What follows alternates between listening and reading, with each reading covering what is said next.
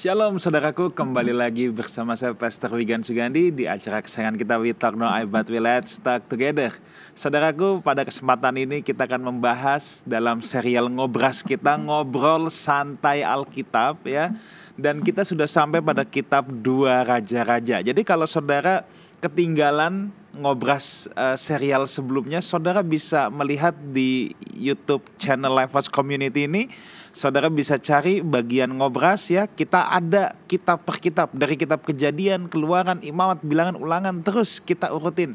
Dan bulan ini kita sudah sampai pada kitab dua raja-raja. Dan kita diberkati sekali. Saya percaya saudara sudah sangat banyak belajar sekali dari ngobras perjanjian lama lagi. Dan siapa lagi kalau bukan tamu kita yang sangat spesial Untuk membahas kitab-kitab dalam perjanjian lama Ibu Rita Wahyu. Thank you Ibu Rita Shalom, sudah kembali Pastor menyempatkan diri. Shalom Terima ya. kasih undangannya dan shalom untuk semuanya. Selamat malam. Oke, Bapak Ibu Saudara ini Ibu Rita selalu datang jauh-jauh dari Surabaya menyempatkan untuk ngobrol ngobrol santai Alkitab, ngobras dan Alkitab. seru ketika Iya. bicara tentang Alkitab. Wow, iya. Dan pada kesempatan ini seperti yang saya katakan kita akan membahas tentang kitab dua raja-raja. So, eh, tanpa panjang lebar lagi, saudara siapkan catatan atau apa pun yang saudara ingin catat. Saya percaya kita semua akan diberkati pada obrolan santai Alkitab pada malam hari ini. Selamat malam Ibu Rita. Siap? Ya, kita akan membahas nih Bu tentang kitab Dua Raja-Raja dan di Dua Raja-Raja tentunya nanti banyak eh, kisah-kisah menarik, highlight-highlight sekali ya yang akan kita cuplik-cuplik mungkin Mau kita pilih yang mana nih? Nah, mungkin kita tidak bisa cover semuanya Iya. tapi kita akan mention lah kisah-kisah yang menarik ntar kita akan bahas juga ya. Iya. Nah, tapi sebelumnya Bu, mungkin Ibu bisa kasih sedikit latar belakang, background Iya. tentang kitab Dua Raja-Raja ini. Kitab Dua Raja-Raja ini adalah menceritakan bagaimana Israel setelah kerajaan Israel bersatu itu pecah menjadi dua bagian, yang utara dan selatan. Dan di sini menyisakan banyak sekali kemurtatan-kemurtatan terutama yang di bagian utara. Nah, tanggal penulia- penulisannya kitab Dua Raja-Raja ini sebenarnya kitab Satu Raja-Raja dan kitab Dua Raja-Raja itu sebenarnya awalnya adalah satu kitab. Oke, Karena saking ya. panjangnya, jadi kemudian dipecah menjadi dua. Sebenarnya itu satu kitab dan Oke. yang menulis banyak banyak orang karena ini kronologi dari waktu ke waktu dan dipilih kisah-kisah yang menjadi highlight dari sejarahnya orang Israel itu. Nah, dan satu raja-raja dan dua raja-raja ini merupakan catatan sejarah yang berkesinambungan yang Oke. melanjutkan kerajaan yang sudah terpecah itu mulai tahun 822 Iya. sampai runtuhnya juga kerajaan di selatan pada akhirnya juga pada tahun 586 sebelum Masehi ketika Nebukadnezar itu menyerang Yerusalem.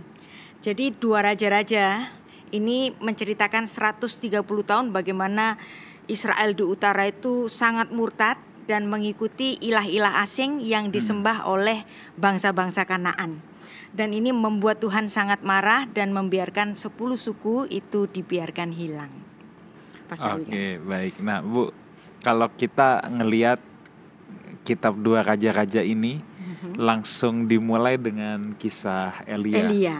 ya. El- eh, Elia adalah nabi yang sangat dihormati ya Bu ya. Yes. Saya selalu suka bilang gini nih Bu. Mm-mm. Coba mohon dikoreksi kalau ada yang salah ya. Mm-mm. Saya tuh suka bilang gini bahwa Musa adalah guru bangsa Yahudi. Yes. Artinya itulah guru yang paling dihormati. Kalau raja yang paling dihormati adalah Daud. Yes. Kalau ditanya siapa bapak mereka, Abraham. Iya, Tapi nabi yang dianggap nabi paling besar adalah Elia. Elia memiliki mujizat yang luar biasa. Iya, dan ini eh, satu-satunya nabi yang tidak mengalami kematian ya. Iya. Ta- Tetapi diangkat hidup-hidup ke Diangkat hidup-hidup. ke sorga. Mm-mm, Dan mm-mm. kalau kita ingat kisah Tuhan Yesus di Eh, di Injil Matius Transfigurasi, ya. ya. Transfigurasi, transfigurasi. Saya ingatnya inaugurasi tadi, tapi kayak bukan bukan Iya. inaugurasi, transfigurasi. Mhm. Itu juga bertemunya dengan Musa dan Elia. Ya, So, ka- karena eh, Musa itu mewakili uh, pengajar dari Israel. Hmm. Jadi dia adalah uh, Ravenu, Moshe Rabenu, pengajar tetapi roh kenabian itu ada di Eli, iya. Elia. Iya. Ya. Jadi Elia ini hmm nabi yang sangat luar biasa yang sangat mm. dihormati bahkan dapat dikatakan nih nabi terbesar ya yes. sepanjang uh, sejarah Israel dan mm. ini dimulai dengan kisah Elia dan yang menarik mm. Bu mm. Pasti Bapak Ibu Saudara sekalian semua yang menyaksikan acara ini mm-hmm. juga sudah pernah mendengar atau membaca nih tentang Elia terangkat ke, ke surga. surga. Yes. Nah, mungkin Ibu mau kasih insight sedikit Bu tentang yeah. Elia terangkat ke surga ini. Elia terangkat ke surga merupakan satu tipologi yang nanti penggenapannya itu digenapi oleh Yesus Kristus sendiri yang bangkit dari kematian dan kemudian dia terangkat ke surga. Jadi apa pun yang cerita kita dapatkan dalam perjanjian baru di perjanjian lama tipologinya lambang-lambangnya itu sudah ada. Jadi bangkit dari kematian itu juga ada yang naik ke surga yang pertama kali adalah Henok yang kedua adalah Elia yeah. ini juga sebagai tipologi bahwa Yesus Kristus itu memang tempatnya itu ada di atas dan nanti dia akan datang kembali dan kita pun nanti akan dibawanya pula ke tempat dari Yesus Kristus ini di rumah Bapa seperti janjinya pada Yohanes pasal 14 pasal Yeah. Nah, Jadi Bu, ini merupakan satu tipologi yeah. dan itu highlight yang paling penting di dalam perjanjian lama bahwa ada loh orang yang tidak mengalami kematian.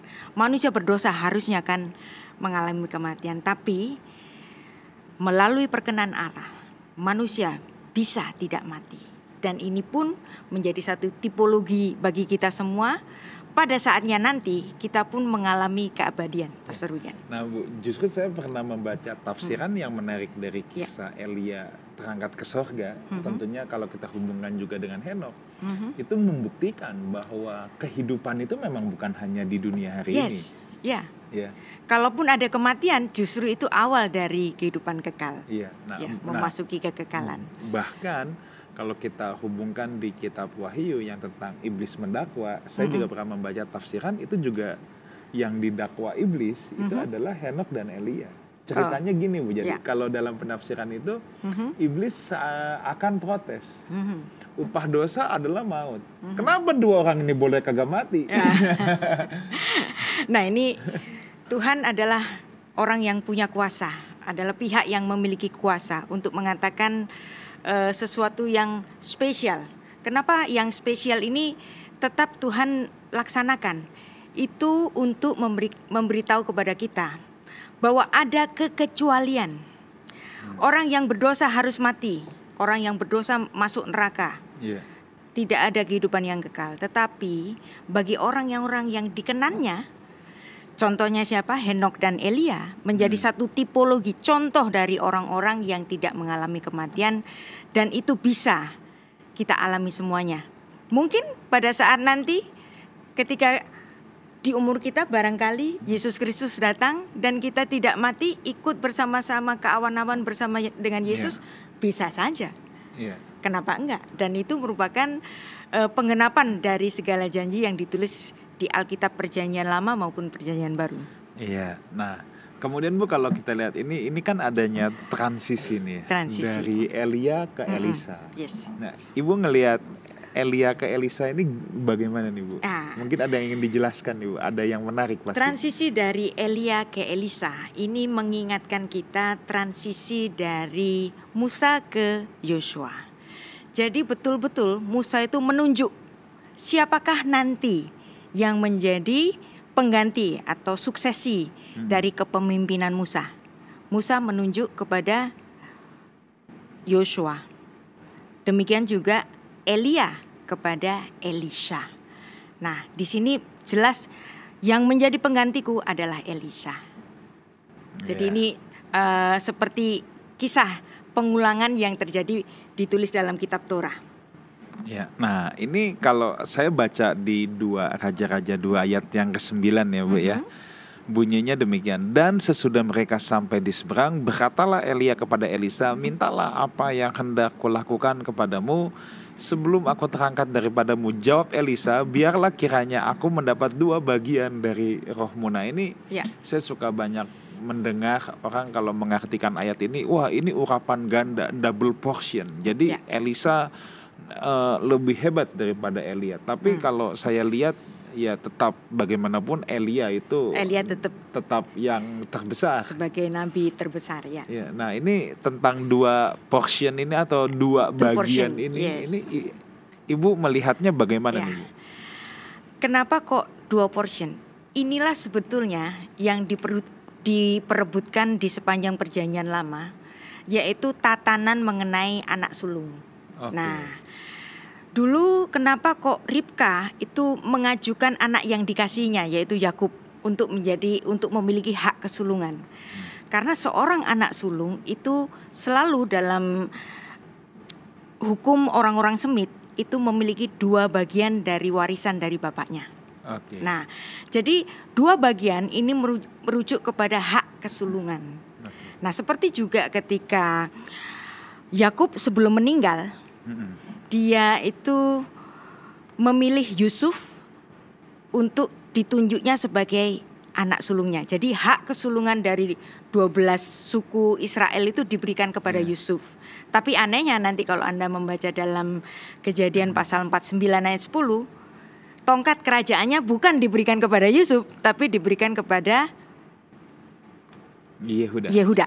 Nah, inilah nanti yang sebenarnya membuat satu eh, problem di masa kemudian karena suku-suku Yusuf mengklaim bahwa dia adalah Yang punya hak kesulungan. hak punya yang punya kesulungan maka dinasti mereka harus menjadi raja-raja bagi Israel. Itulah kenapa Israel itu pecah di di utara. Dan kemudian yang dinasti Yehuda, oh tidak. Karena tongkat kerajaan diberikan oleh bapak bangsa kita kepada suku Yehuda. Jadi kalau kita melihat sebenarnya Israel itu terdiri dari 12 suku tapi kemudian berubah menjadi 13 suku. Kenapa?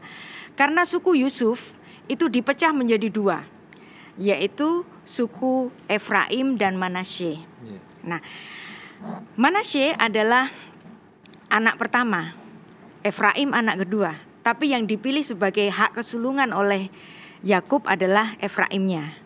Nah, Efraim dan Manasye pada kejadian pasal 49 itu disejajarkan dengan paman-pamannya. Yang artinya di sini Yusuf memiliki dua bagian berkat daripada saudara-saudaranya. Artinya Yusuf menjadi yang sulung di antara saudara-saudaranya walaupun dia tidak lahir yang pertama kali. Ya. Nah, jadi apa yang diminta oleh Elisa tentu saja dapat kita bayangkan. Elia seorang nabi yang besar, ya. Dia tentu memiliki banyak sekali murid. Iya. Tapi pemilihannya kepada Elisa ini Elisa minta suatu legitimasi. Kalau memang aku yang dipilih, berikanlah aku dua bagian dari rohmu. Jadi tentu saja murid-murid Elia yang lain itu memiliki roh Elia. Jadi semangat spirit dari Elia itu dimiliki oleh semua dari murid-murid dari Elia. Tetapi Elisa minta dua bagian. Artinya apa? Elisa minta legitimasi bahwa betul-betul akulah yang dipilih untuk meneruskan kepemimpinan kenabian dari Elia ini supaya apa? Supaya dia di antara murid Elia yang lain tidak disalahpahami bahwa dialah penerus dari garis kenabian dari Iya. Elia atau kepemimpinan dari Elia ini. Pastor Tapi Wigan. saya mau kembali sedikit Ya. bertanya dulu nih Bu tentang Mm-mm. hak kesulungan. Jadi Yes. rupanya kalau di Israel ini agak lucu ya. Ya. Jadi kalau biasanya kan kita tahu yang disebut anak sulung ya yang pertama lahir. yang pertama. Yes. Tidak bisa tidak anak pertama, tapi Ya, kalau dalam kebudayaan Israel justru ayahnya bisa memilih bisa ya. memilih. Jadi seperti ini. Yang lahir duluan kan Ruben Iya. di antara semua Israel. Tetapi Ruben tidak dikenan bapaknya sendiri karena dia melakukan kesalahan pada masa lalu. Dan kenapa diberikan kepada Yusuf dan saudara-saudara lainnya itu menerima karena memang Yusuf ini lahir yang pertama kali dari rahimnya rahimnya Rahel, istri yang memang dikendaki oleh Yakub.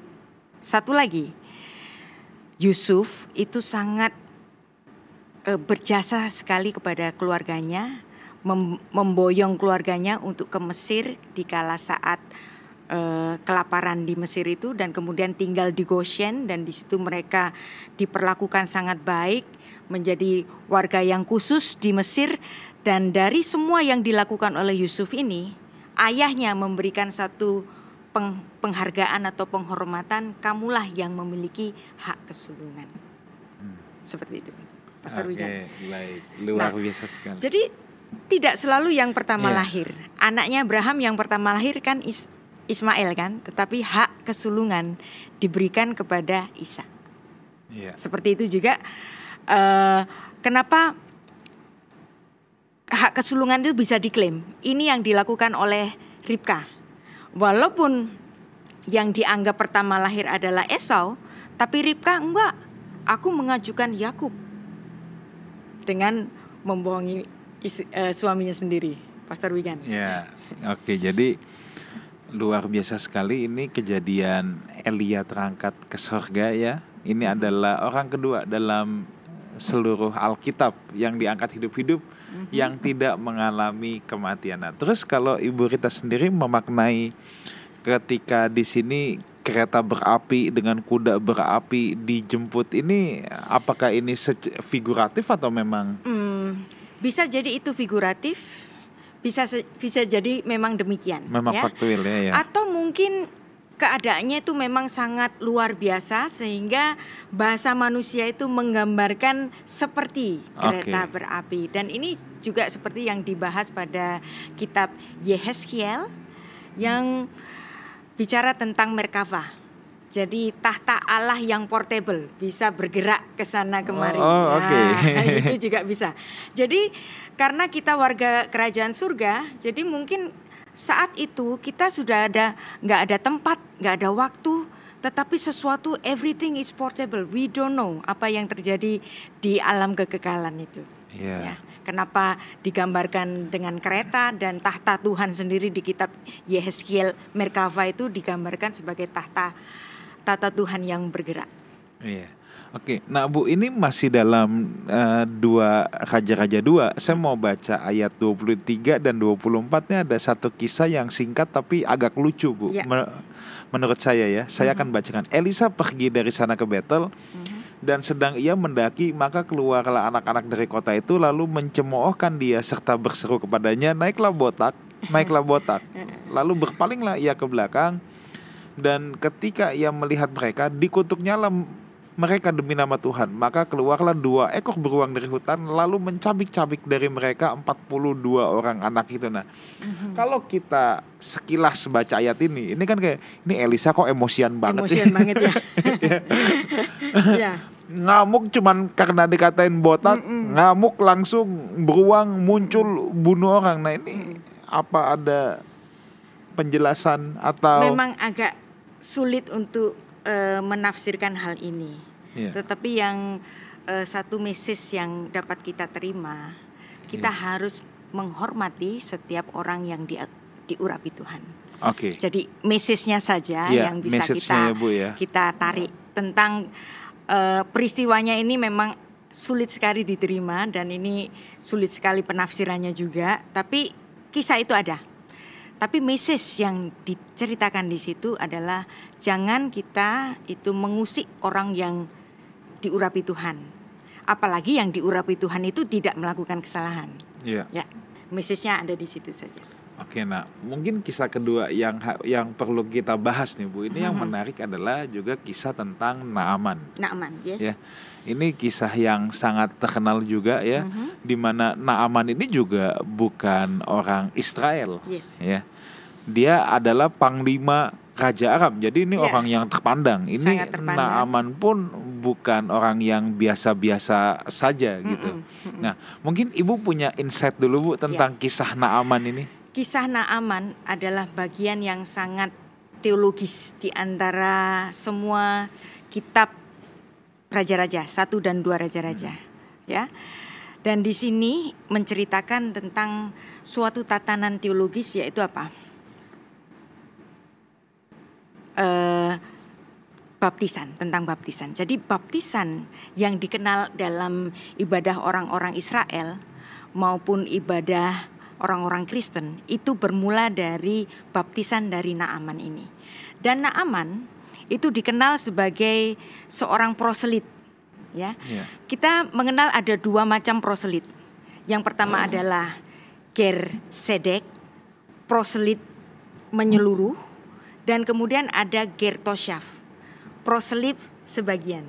Okay. Jadi dia penyembah Allah Israel, tetapi dia tidak meninggalkan kewarganegaraannya. Dia tetap menjadi panglima Syria. Sedangkan Ruth, kita sudah belajar mengenai Ruth yeah. kan? Ruth adalah orang Moab dan dia masuk immerse di dalam jemaat orang Israel. Dia menyembah Allah Israel dan dia juga menjadi warga negara Israel. Tapi di sini Naaman beda. Naaman itu adalah penyembah Allah Israel tapi dia tetap menjadi warga negara hmm. Syria. Dia Dan, tidak menjadi orang Israel ya, Bu ya. ya. ya. Dan kalau nanti kita sebenarnya kalau bicara tentang Naaman ini kita mesti ada satu sesi yang khusus karena ini ada hubungannya nanti dengan apa yang diajarkan oleh Rabi Saul, Rasul Paulus di Perjanjian Baru. Tiba-tiba di Perjanjian Baru Rasul Paulus itu mengatakan orang yang terlahir tidak sebagai orang yang tidak bersunat nggak usah sunat. Oke. Okay. Orang Yahudi, tapi untuk Timotius dia menyuruh Timotius harus sunat. Tapi kepada orang-orang non Yahudi, Rasul Paulus mengatakan nggak usah sunat. Yang yang terakhir nggak sunat ya nggak usah sunat. Ini dasarnya dari mana? Hmm banyak sekali kesalahpahaman di dalam orang-orang Kristen sendiri seolah-olah Paulus ini membuat satu tatanan baru. Oh, Paulus menghapus sunat. Sunat gitu. Wah, ini dia bikin-bikin aturan-aturan sendiri. Ternyata tidak. Dasarnya di mana? Dasarnya adalah di sepanjang kisah dua raja-raja hmm. pasal 5. Anda hmm. nanti baca seluruhnya bahwa seorang panglima ini sakit kusta. Ini saya kasih highlight saja. Dan kemudian di rumahnya ada seorang budak kecil yang dari uh, Israel.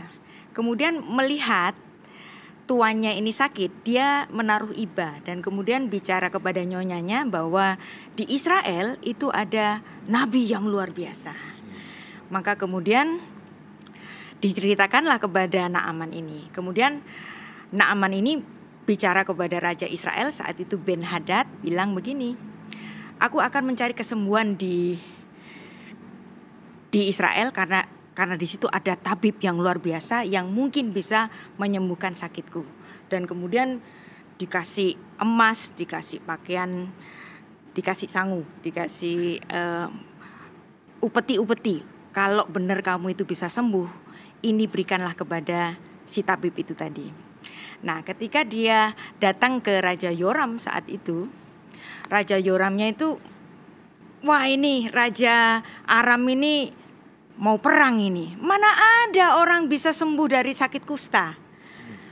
Kalau Naaman ini nggak sembuh dari sakit kustanya, berarti dia cari gara-gara mau menyerang kita lagi. Kemudian dia mengoyakkan pakaiannya.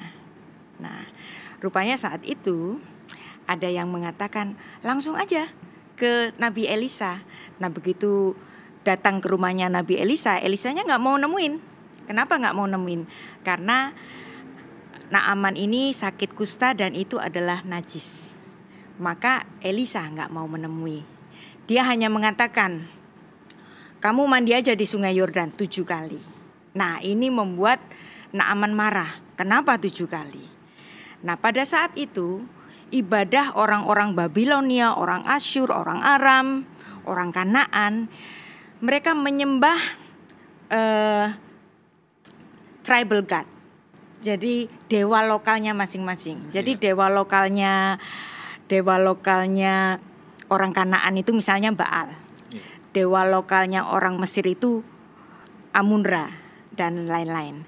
Jadi dia mengatakan, "Loh, aku punya punya dewa sendiri, kenapa aku harus melakukan ritual mandi di situ? Kalau mandi sekali itu mandi biasa, Iya. tapi kalau mandi tujuh kali itu mandi ritual. Makanya si Naaman ini marah, kamu mau memualafkan aku ya? Nggak bisa. Nah, terus kemudian eh, pegawainya si Naaman ini bilang, bos bos, kan cuman mandi, gampang toh, udah tinggal nyemplung aja kenapa sih? Nah, akhirnya dia nyemplung sekali, dua kali, dan sampai yang ketujuh dia benar-benar merasakan kesembuhan kulitnya halus seperti kulit bayi. Nah, kemudian di situ dia merasakan, oh, ternyata ya, ternyata di Israel ada Allah yang luar biasa. Nah, kemudian dia datang, dia datang ke Elisa lagi. Dia sudah sembuh. Pada saat dia sembuh, Elisa mau menemuinya. Kenapa? Karena dia sudah nggak najis lagi. Si Naaman ini ngotot, pokoknya kamu harus terima barang pemberian dari rajaku ini. Tapi Elisa nggak mau. Terus kemudian karena Elisanya ngotot juga nggak mau, akhirnya apa yang diminta oleh Elisa? Sekarang aku melihat bahwa Allah Israel adalah Allah yang lebih kuat daripada dewa-dewa bangsa-bangsa lain. Dan dia menjadi percaya kepada Allah Israel. Kemudian dia meminta satu permintaan kepada Elisa ini. Kita tahu dong tadi bahwa pemikiran orang-orang kala itu mereka menyem- menyembah tribal god, Iya. dewa-dewa lokal-lokal mereka. Maka kalau dia pulang pengen nyembah Tuhan, maka harus ada tanah Israel dong, gitu. Kemudian dia ngomong sama Elisa, izinkan aku membawa tanah Israel ini dua bagal, ya, dua bagal untuk nanti aku dapat menyembah Allah Israel. Dan itu walaupun Elisa sendiri tahu bahwa Allah itu ada di mana-mana, Allah itu roh. Tapi pikiran orang ini Iya. kan belum seperti orang Israel saat itu. Iya. Maka diizinkanlah, oke kamu boleh bawa ini apa tanahnya. Dan permintaan kedua dari Naaman ini menarik. Ya. Dia mengatakan begini, izinkanlah aku bahwa aku adalah seorang panglima bagi rajaku.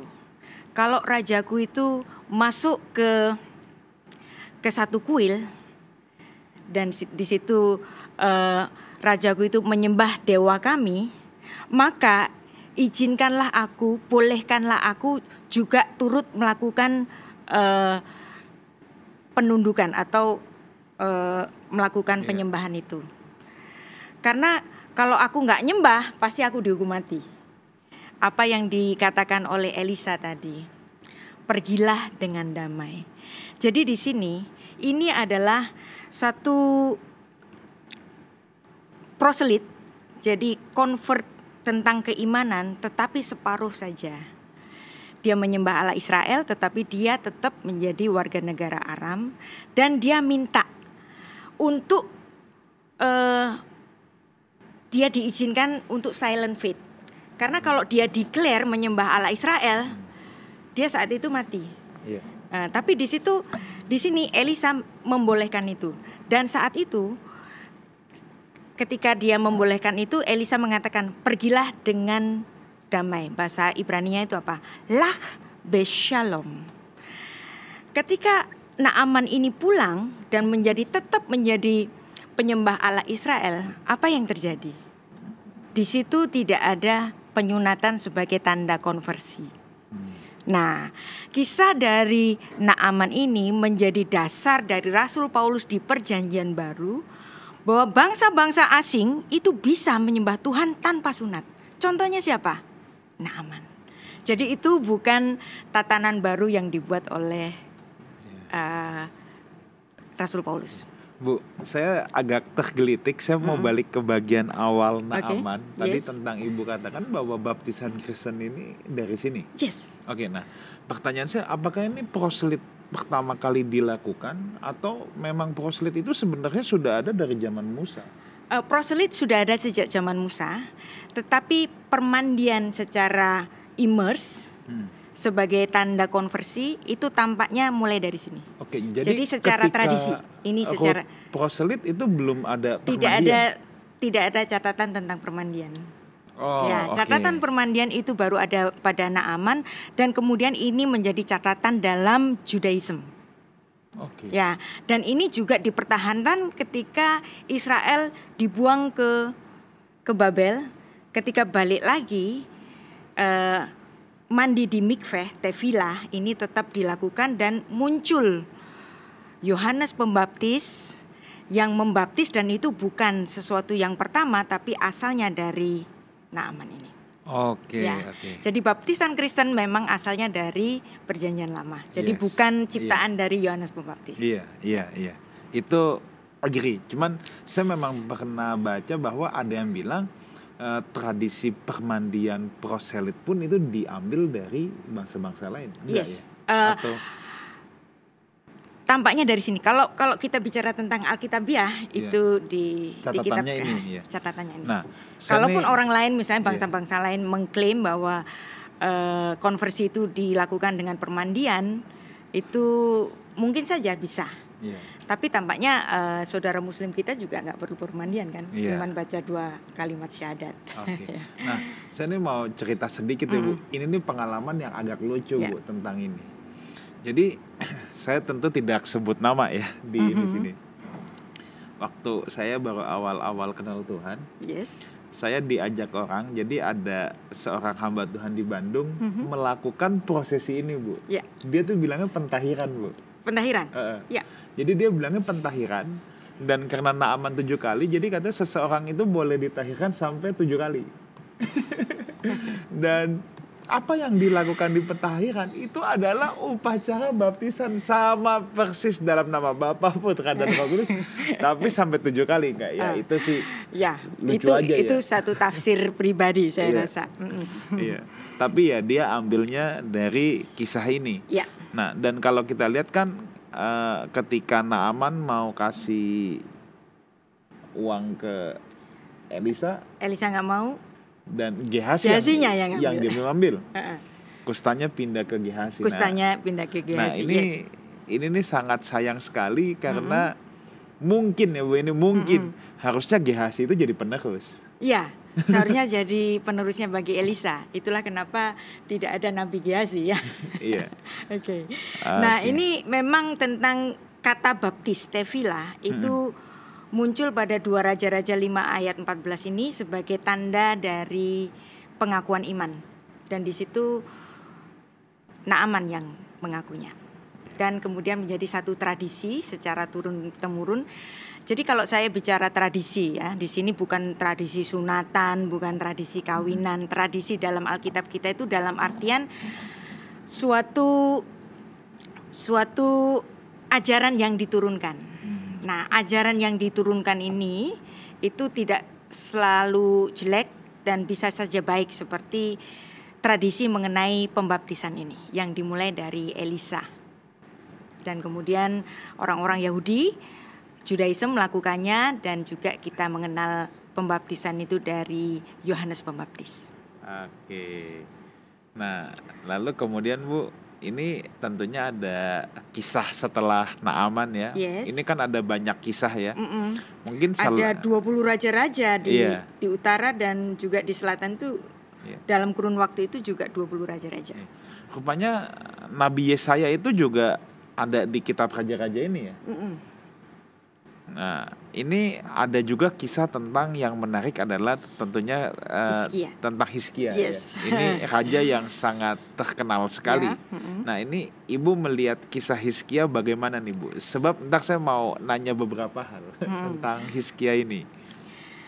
Hizkia dan Yosia adalah dua raja yang dikenan Tuhan. Cuman dua raja itu saja setelah kematian Salomo.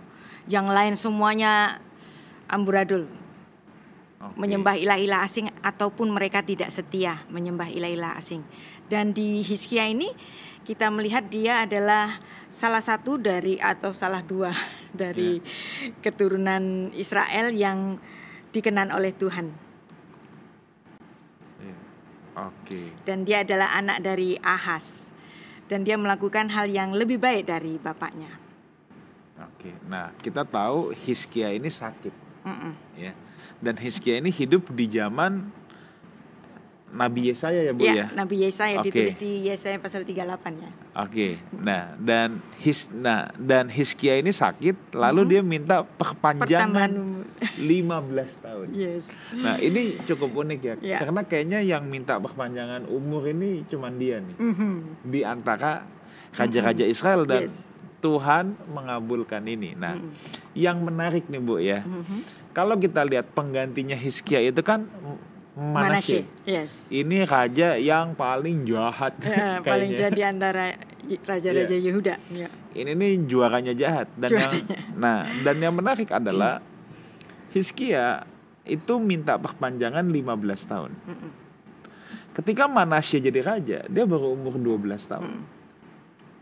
Berarti dia lahir Nah, pada masa berarti dia lahir di injury time ini nih, masa perpanjangan itu. Ya. di masa perpanjangan waktu. Yes. Nah, Hmm. ini Ada kan- sudden death nggak? Emangnya sepak bola? ya, nah, dan ini kan kemudian menjadi eh, debat teologis yang cukup menarik Iya. ya. Ada yang berkata dari satu kubu bahwa kita bisa minta sama Tuhan. Mhm. Kita biasa kalau tentang Hiskia ini yang kaum yang bilang kita minta sama Tuhan, kita ingetin Tuhan kebaikan Kita yang kita kerjakan ya kan. Itu kan yang dikerjakan Yes. Hiskia kan, ingetin Tuhan, Tuhan aku kan udah begini begini begini begini. Minta dong nambah. Iya. Akhirnya Tuhan kasih. Nah, tetapi yang di sisi satu lagi berkata bahwa tuh lihat, Tuhan sebenarnya tahu yang terbaik. Mhm. Harusnya Hiskia nggak perlu minta perpanjangan. Mm-mm. Kalau Hiskia tidak minta perpanjangan, Manasya itu itu tidak ada. Tidak dilahirkan ya. Iya. Mhm.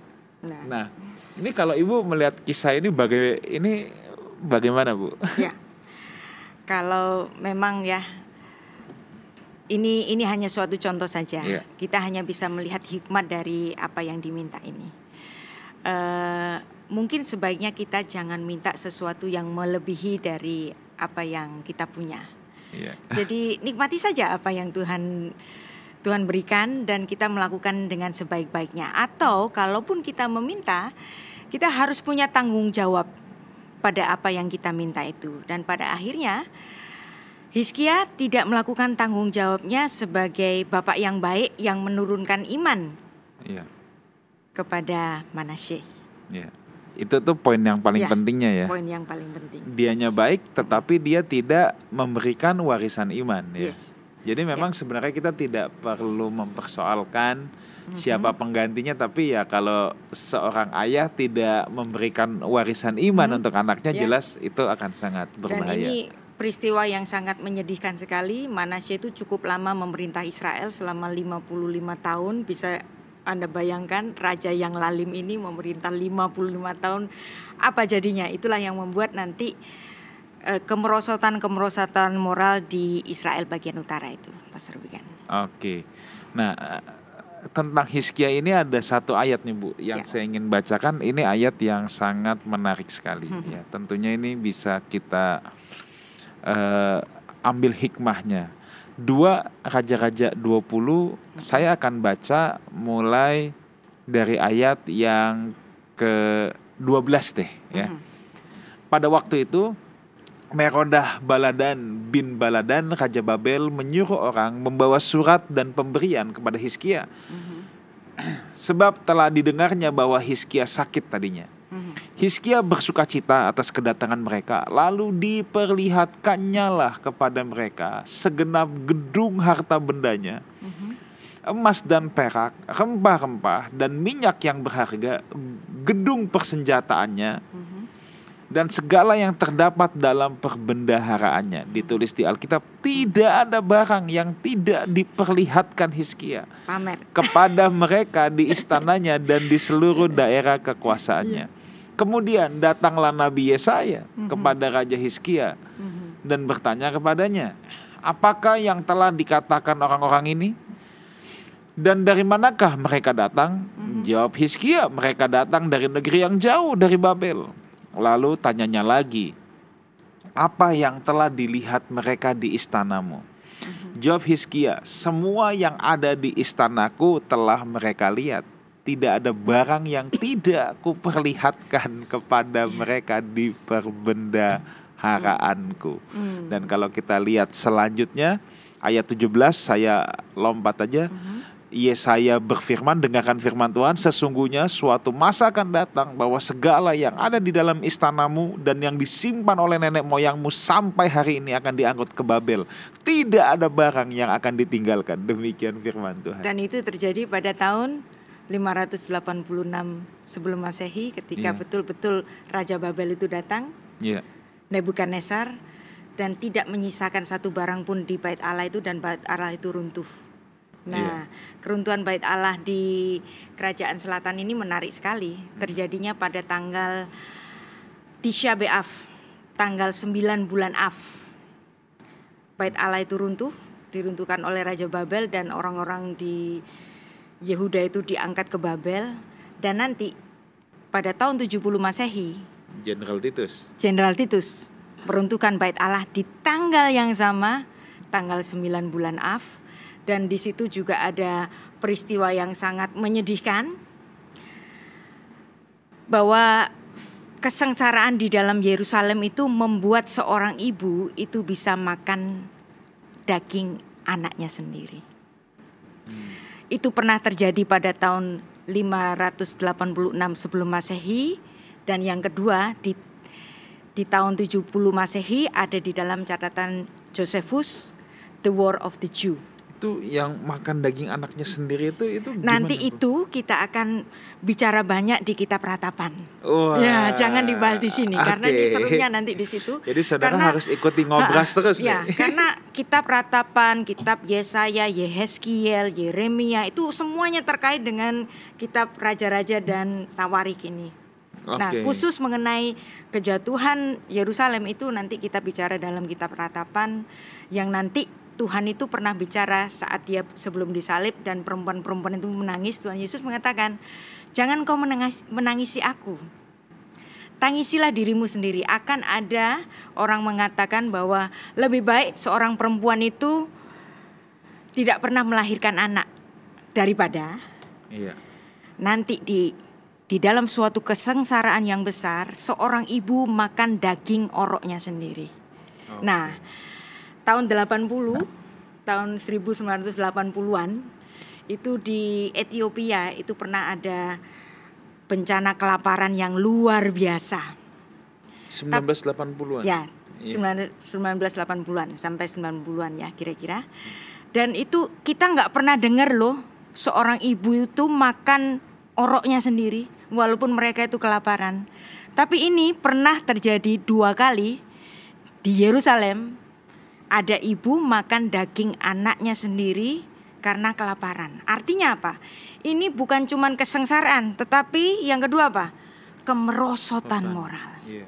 ya Ethiopia yang kita lihat tuh orang-orang yang kurus-kurus Iya. kepalanya besar nggak ada cerita ibu makan daging anaknya tapi di saat betul-betul orang Israel itu moralnya sangat merosot itu pernah terjadi dua kali dalam sejarah Wah, nanti jadi saudara jangan sampai melewatkan ngobras kita ya. Kita akan bahas Kitab banyak dan Ratapan, ini ya. entah akan kita bahas di kitab Ratapan. Nah, yang Bu, terkait juga dengan kitab dua raja-raja Iya. ini Nah, tapi tentang Hizkia lagi, again Ya. tadi saudara saya melihat bahwa apa yang Hizkia lakukan adalah pamer ya. ya pamer Mungkin ini sederhana. Mungkin Hizkia melakukan itu karena dia saking senengnya. Ya. Ya. Tetapi di sini kita mesti mewaspadai bahwa dalam setiap pamer itu nyelip pasti yang namanya kesombongan, ya. Jadi ini yang harus menjadi makna teologis yang bisa kita aplikasikan dan ini sangat berbahaya ya karena memang kecenderungan orang yang punya banyak ya atau punya berlebih ingin memamerkan ingin orang lain tahu apa yang menjadi kelebihannya ya itu adalah sebuah kecenderungan manusia secara naluriah. Tetapi di sini Alkitab ingatkan untuk kita tidak punya spirit pamer ini ya. Dan jadi kalau kita bertalian kalau saya ini bicara yang praktis dulu ini ya Bu ya. Ya. jadi sebenarnya apa sih pamer itu? Apakah kalau kita punya barang yang bagus atau luxury goods apakah kita nggak boleh pakai? Kalau kita pakai itu berarti kita pamer. Enggak, sebenarnya bukan di situ poinnya ya. Tapi ini spiritnya. Uh, kalau kita pakai luxury goods kita dengan tujuan supaya orang lebih kagum sama kita, lebih menghormati kita, supaya tahu gue juga punya lo, ya. Ah, ini ini yang pamer. Ada orang yang pakai tapi biasa aja, mm-hmm. ya. Ada orang yang pakai tapi biasa aja. Dia nggak merasa nilai dirinya lebih tinggi karena pakai barang ini. Dia biasa aja dan dia juga bukan dengan dalam hatinya nih supaya teman-teman gue tahu nih keberhasilan gue sekarang nih. Gue udah bisa beli ini nih. Nah itu yang harus kita waspadai. Jadi persoalannya bukan kalau saya terapkan dalam aplikasi praktis hari ini. Persoalan bukan ada pada boleh atau enggak pakai luxury goods tapi jangan ada spirit pamer ini yeah. ya memang saya mengerti konsep dunia ini biasanya akan lebih memandang, lebih menghormati ya. Kalau orang-orang yang punya banyak barang mewah yang menempel di badannya otomatis akan lebih terpandang ya hmm. dalam tanda petik lebih terpandang. Tapi sekarang kalau kita anak-anak Tuhan, saya mau ajak saudara berpikir dari sisi sebaliknya ya. Yeah. Jangan seneng saudara kalau orang lebih menghargai kita, lebih memandang kita karena apa yang kita pakai. Sebab sebenarnya yang dinilai adalah apa yang kita pakai, bukan diri kita. One day kalau saudara udah nggak punya itu lagi atau nggak hmm. pakai itu lagi, apakah tetap mau dipandang? Nah, yeah. ini kan yang akan menjadi pertanyaan Betul. ya bu ya. Yeah. Dan kita telah mempelajari tentang 20 raja-raja di utara, 20 raja-raja di selatan, dan pada akhirnya semuanya melawan Tuhan. Yeah. Tetapi Tuhan masih uh, memiliki kasih karunia yang besar terhadap yang di selatan ini sehingga mereka tidak dibiarkan punah kalau yang di utara itu dibiarkan punah oleh raja Asyur itu dibalik orang-orang yang orang-orang Israel di utara itu dibuang ke Asyur kemudian orang-orang yang di Asyur supaya Israel ini jangan kosong orang-orang Asyur masuk ke Samaria dan di situ terjadilah uh, orang-orang asing dan perkawinan campur di sana. Itulah yang menyebabkan di Perjanjian Baru ada cerita bahwa orang Yahudi tidak berhubungan dengan orang-orang di Samaria karena anggapannya orang-orang Samaria itu sudah semuanya murtad. Nah, dan dari situ apa yang dipamerkan tadi balik lagi ke kisah. Hizkia. Yeah. Tadi ada satu nubuat yang diucapkan oleh Nabi Yesaya bahwa apa yang kamu perlihatkan semuanya ini semua akan dibawa, lepas ya. dibawa oleh raja-raja dari Babel. Hmm. Dan itu terjadi. Bahkan tabut Tuhan, barang-barang yang ada di bait Allah itu ya. pun musnah. Dibawa semua. Dibawa semua. Nah, ini uh, kita baca ini ya. ayatnya menarik sekali. Dua Raja-raja 20 ayat 17. 20 ya, Bu ya. Ya.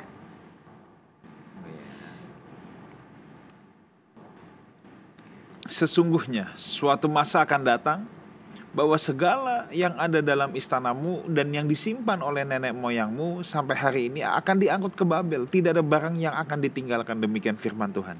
Ya. Satu lagi. Dua Raja-Raja 24 hmm.